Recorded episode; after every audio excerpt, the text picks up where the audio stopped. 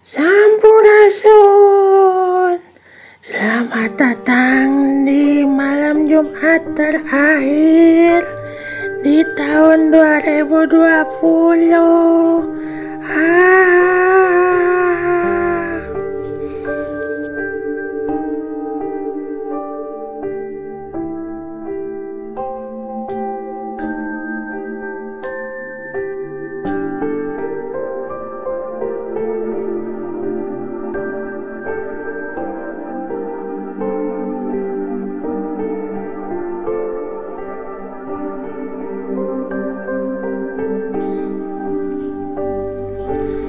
Sampurasun Sampurasun Ye ye ye ye Am am am am Ini tahun terakhir bagi kita. Naon eh kamu eh mana?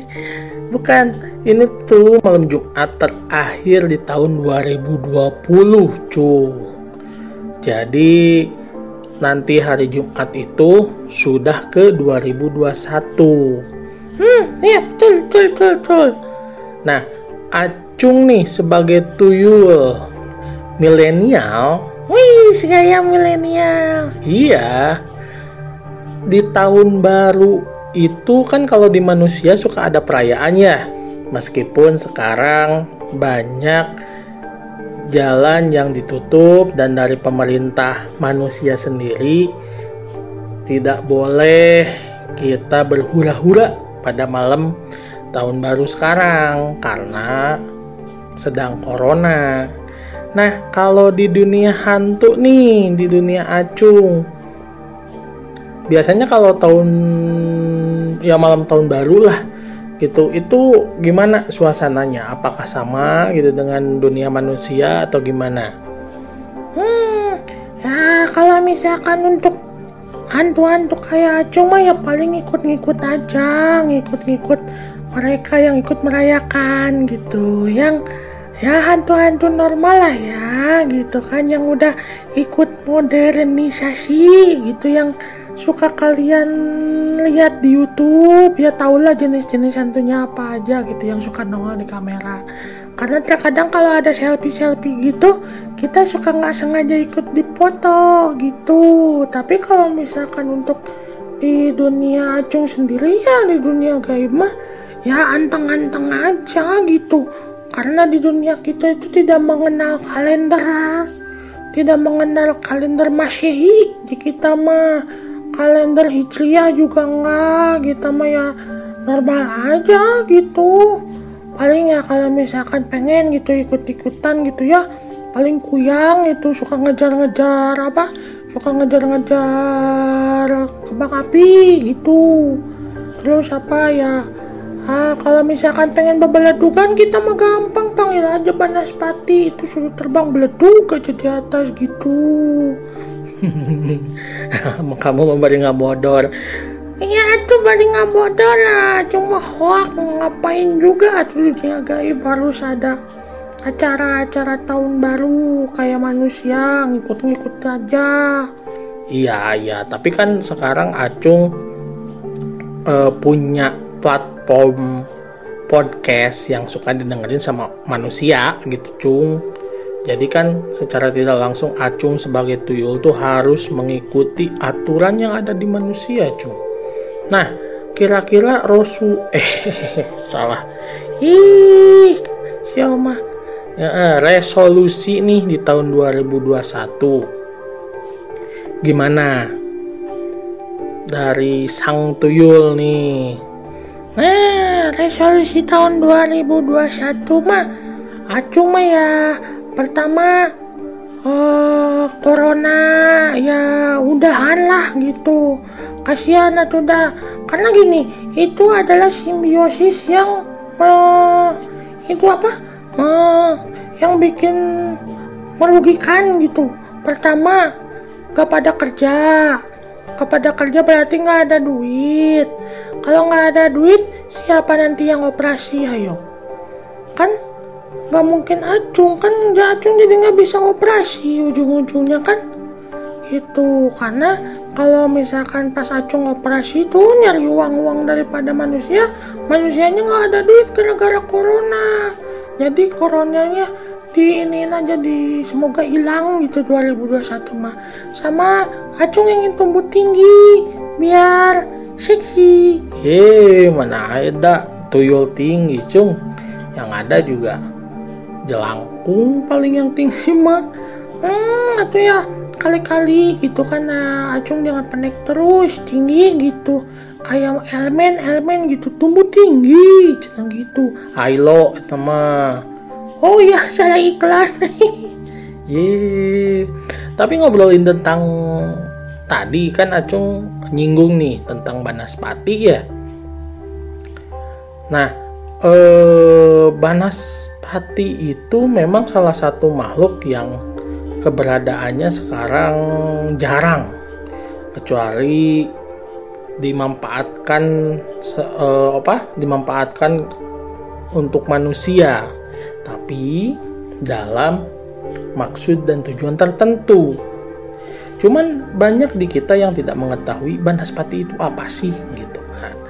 Nah mungkin spesial malam tahun baru karena banyak kembang api gitu kan. Nah, kita juga akan membahas sesuatu yang berapi-api gitu.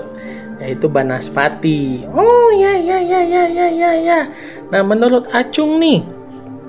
Hmm, Banaspati itu apa, Cung?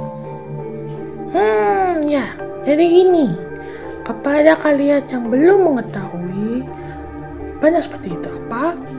Banaspati adalah sebutan bagi hantu yang memiliki wujud seperti api dan berelemen utama api. Itu.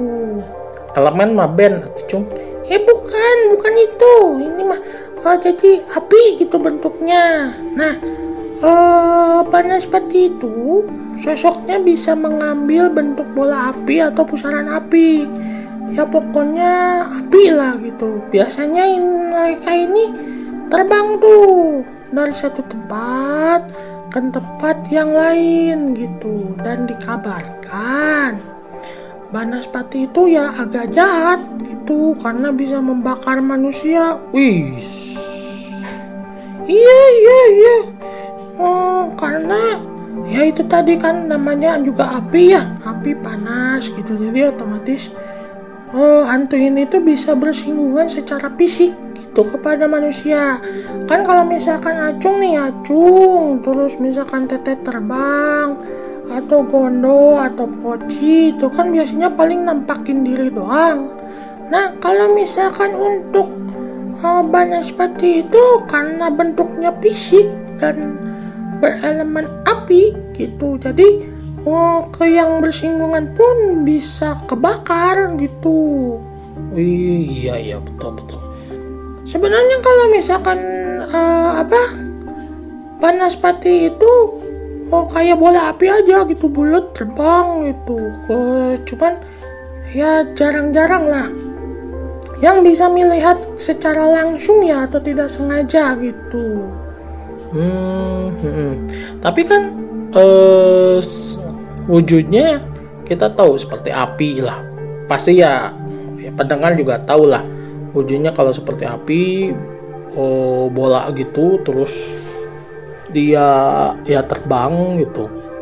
Cuman eh, om baca-baca selain sebagai makhluk nih hantu Banaspati juga bisa sebagai tanda bahwa ya bukan bahwa sih apabila manusia menjadi target dari ilmu hitam. Hmm, betul betul betul.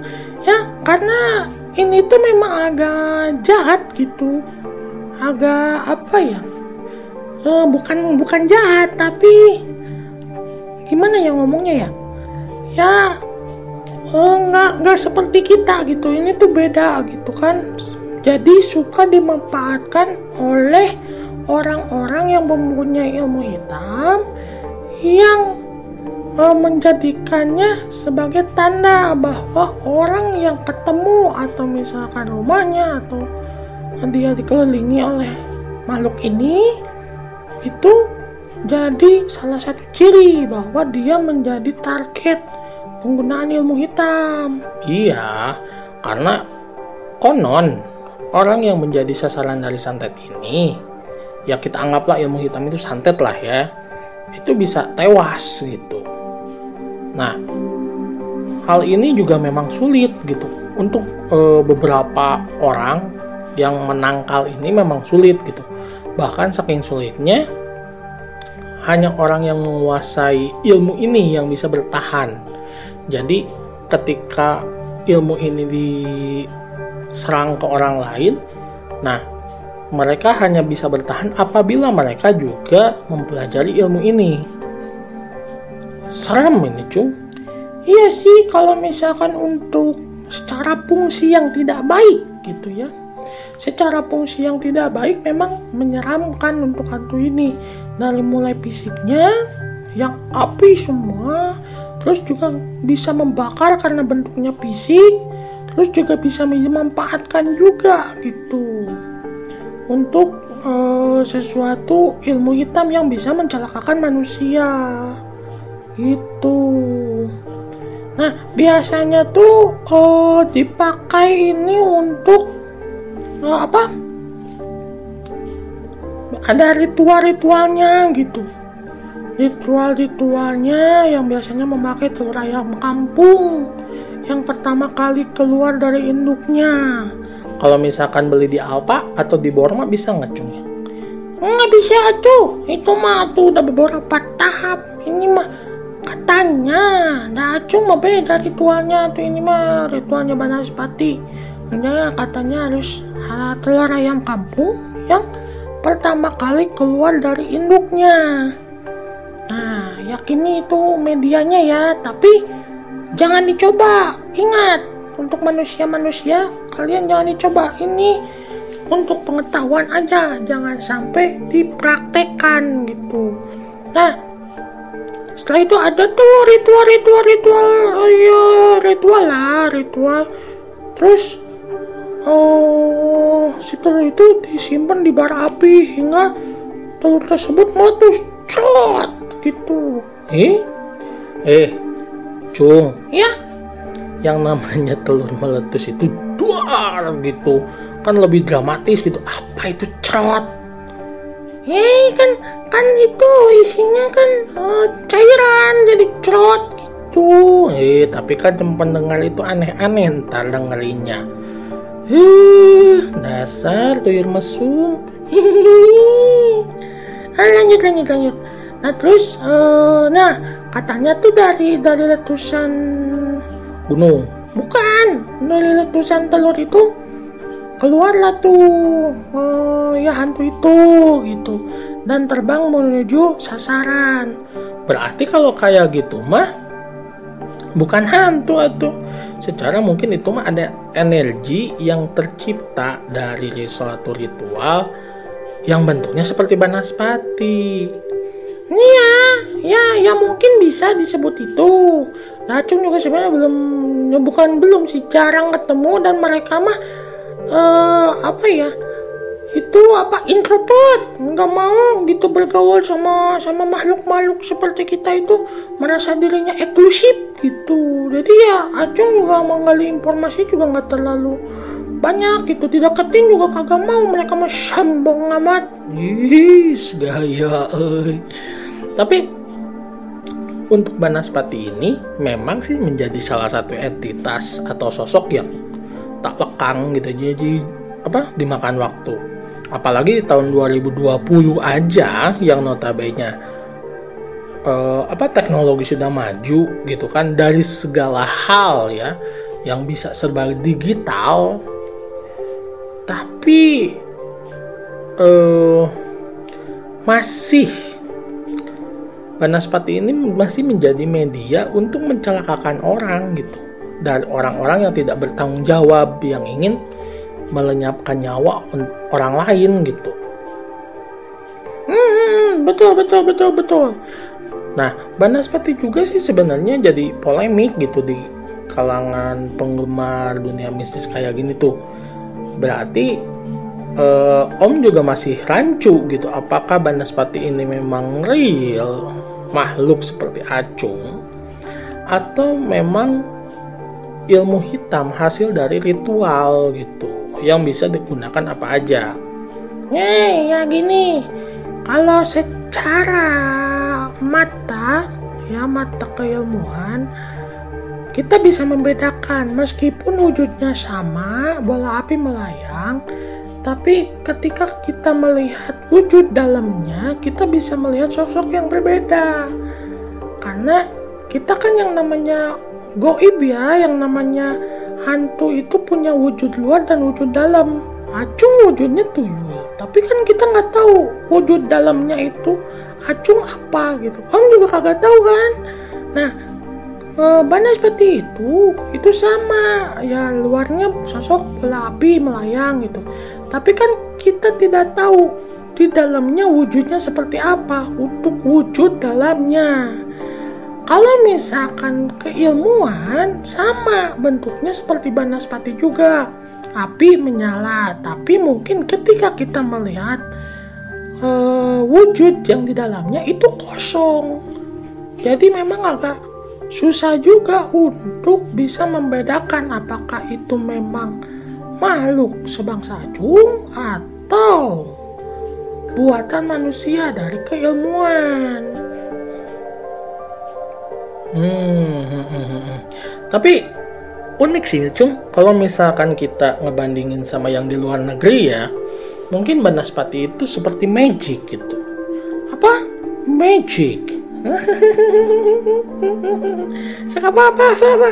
Magic. Asya, Allah. Iya, karena seperti apa kan banyak di game-game juga di game terutama yang penyihir-penyihir gitu kan suka ada mata fireball gitu. Wush keluar api gitu kan. Nah mungkin itu juga salah satu bentuk itu. Kalau misalkan memang di luar negeri. Iya ya mungkin. Ah ya seperti itu. Cuman ya kagak tahu aja acung kapan main game baru-baru main game tiap malam kerja terus yang tidur Iya, kan emang ngasih tahu. Kata untuk mungkin untuk uh, kita juga harus bisa menyederhanakan kata-kata kita supaya enak didengar oleh para pendengar di podcast. Hmm, iya iya iya iya iya. Nah, tapi ada suatu cerita nih, Cung.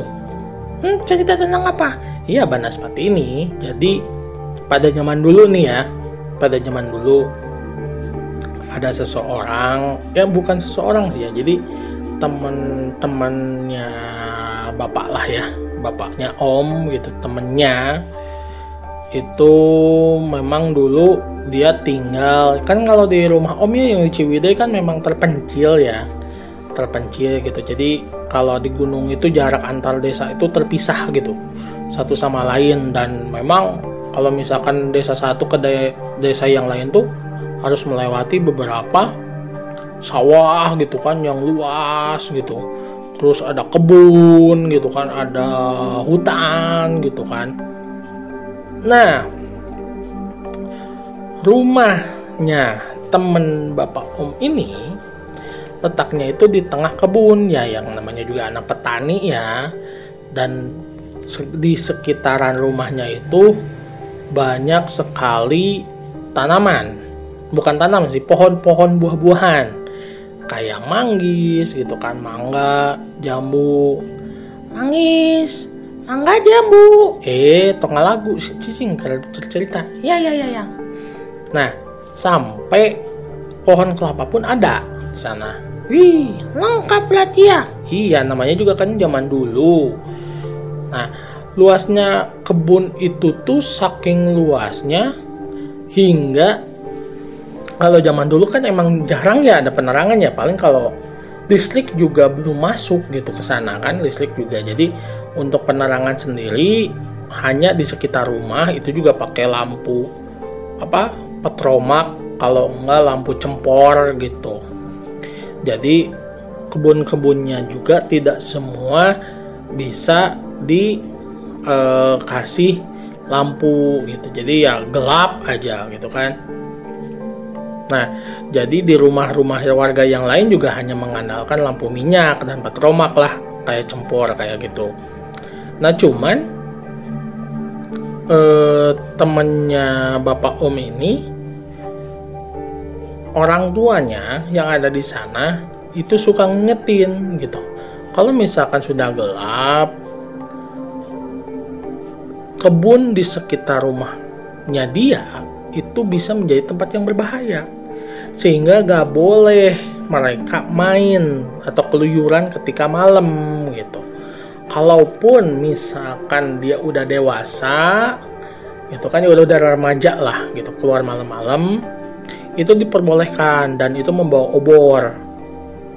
Itu pun paling ke musola pas maghrib untuk pengajian karena di kampung tersebut yang namanya di Ciwidey lah ya eh, fenomena mistis pada zaman dulu itu memang sering terjadi di kebun atau pesawahan.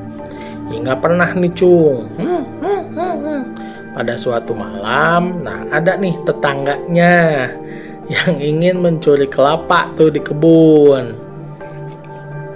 Cuman pas dia mau mencuri malam ya nggak akan kelihatan kan ya karena e, penerangan yang juga e, kurang gitu. Nah bukannya memperoleh hasil gitu, ya tuh malah ditemukan sedang teriak-teriak ketakutan. Wah, wah, tolong, tolong, tolong gitu kan.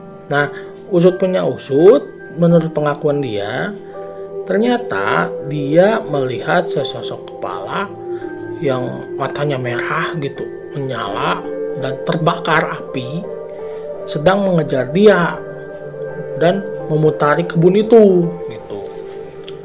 Ternyata ke kejadian itu bukan hanya sekali gitu, namun berkali-kali. Terutama ketika ada seseorang yang ingin mencuri sesuatu di kebun. Karena ada yang bilang pada waktu itu setiap kebun yang ada di rumah-rumah mereka memang punya penunggunya. Uh, iya sih. Memang kalau misalkan untuk zaman dulu, kita juga bisa dipekerjakan untuk menunggu sesuatu gitu. Tapi uh, itu sih lebih ke simbiosis mutualisme karena suatu kepercayaan misalkan uh, yang punya rumah tidak mengganggu uh, makhluk yang ada di sekitar. Sebagai bentuk terima kasih, mereka juga menjaga gitu yang punya rumah ataupun mereka mempunyai jasa menjaga uh, apa leluhurnya pada waktu itu sehingga sampai cucu cicitnya yang tinggal di sana mereka tetap menjaga. Nah, benar. Nah, cuman ada ada cerita temannya Om ini pernah mengalami kejadian yang mungkin sampai sekarang terus dikenang lah, terus diingat lah sama dia. Nah, zaman dulu tuh ya waktu remaja lah di desa itu termasuk ya ayahnya Om, temennya gitu. Suka kebagian tugas untuk mengairi sawah di malam hari. Nah, ini udah remaja sih ya Nah tugasnya sebenarnya mudah sih. Jadi uh, mengikuti jadwal gilir untuk pompa air karena kalau dulu kan pompanya juga masih manual gitu kan. Tidak otomatis ada apa yang saluran air untuk pesawah gitu kan. Jadi cuman pakai selokan kecil aja gitu kan dan itu harus dijaga gitu karena supaya airnya tetap ngalir ke sawah gitu dan itu biasanya pakai diesel nah memang diesel itu patungan gitu. Jadi yang yang namanya di kampung gitu nggak punya uang untuk beli mesin jadi patungan warga sehingga suka kebagian jatah untuk menjaga malam gitu. Dan pada waktu itu dapatlah jatah temannya bapak om ini dan sialnya itu dia ketiduran tuh. Bukannya ngejagain malah ketiduran gitu. Hingga lumayan larut gitu. Jadi ketika dia ke sawah tuh malam gitu kan. Jadi pas datang ke sana tuh nggak sempat ketemu sama yang jaga sebelumnya gitu. Jadi udah resmi udah nggak ada aja gitu. Nggak nggak ada siapa-siapa. Karena uh, tahu yang memakai sebelumnya mau diganti sama temennya bapak om gitu kan. Makanya ya udahlah dilekarakin aja uh, si alatnya itu itu kan di dekat pendatang belah kaca letot. Ya di dekat pematang sawah gitu. Kalau di Sunda Magalengan lah gitu. Sampai di sawah ya biasalah karena mungkin udah terbiasa lah yang namanya remaja. Berbekal obor gitu kan sebagai penerangan dia mulai uh, memasang-masang lagi gitu pompa-pompanya gitu kan. Terus dinyalain lagi dieselnya gitu kan. Nah biasanya butuh 1 sampai 2 jam tuh untuk air sawah itu terisi gitu kan. Nah biasanya yang jaga itu suka berkeliling gitu ngecek sawah gitu kan. Cuman anehnya itu pada malam tersebut tuh hawanya itu dingin banget. Jadi dia itu ya cuman duduk aja gitu di mesin pompa. Biasalah sambil melamun-melamun gitu gitu. Tak amat tuh dari dilihat dari kejauhan tuh keli ada obor api gitu api ya kayak di obor gitu tapi dari jauh tuh mendekat gitu.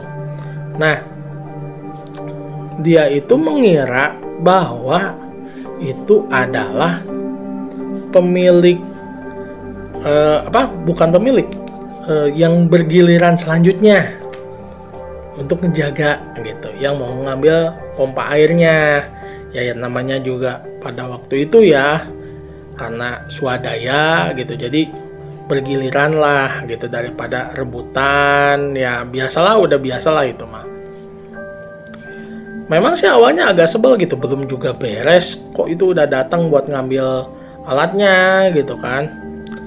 Nah dia tuh ber, ber, ber, apa, berdiri lah biasa yang namanya anak muda gitu. Darah muda. Iya darah muda gitu. Wah bergejolak gitu kan. Cuman anehnya tidak lama dia itu malah lari gitu kan. Pulang ke rumah dan meninggalkan pompanya dengan posisi yang nyala. Dan setelah diselidiki ternyata itu bukan cahaya obor melainkan semacam banaspati yang mengelilingi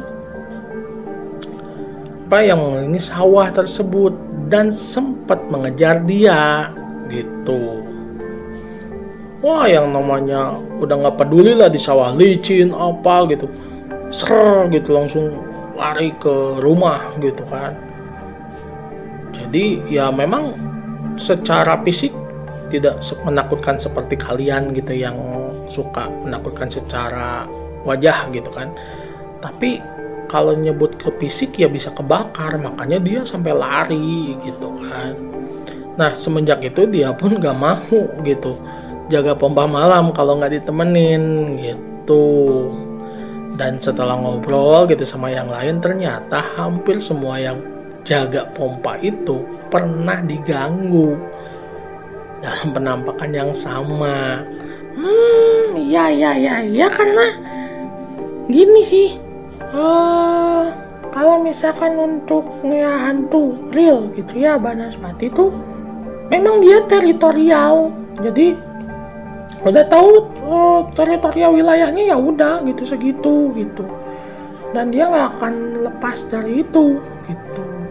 Ya mungkin secara fisik nggak terlalu ini ya cuma kalau api terbang ya lumayan tuh iya ya itu tadi karena apalagi waktu zaman dulu ya yang tidak secanggih sekarang itu nggak ada center nggak ada apa itu jadi hal yang menakutkan gitu apalagi di tengah sawah gitu hmm.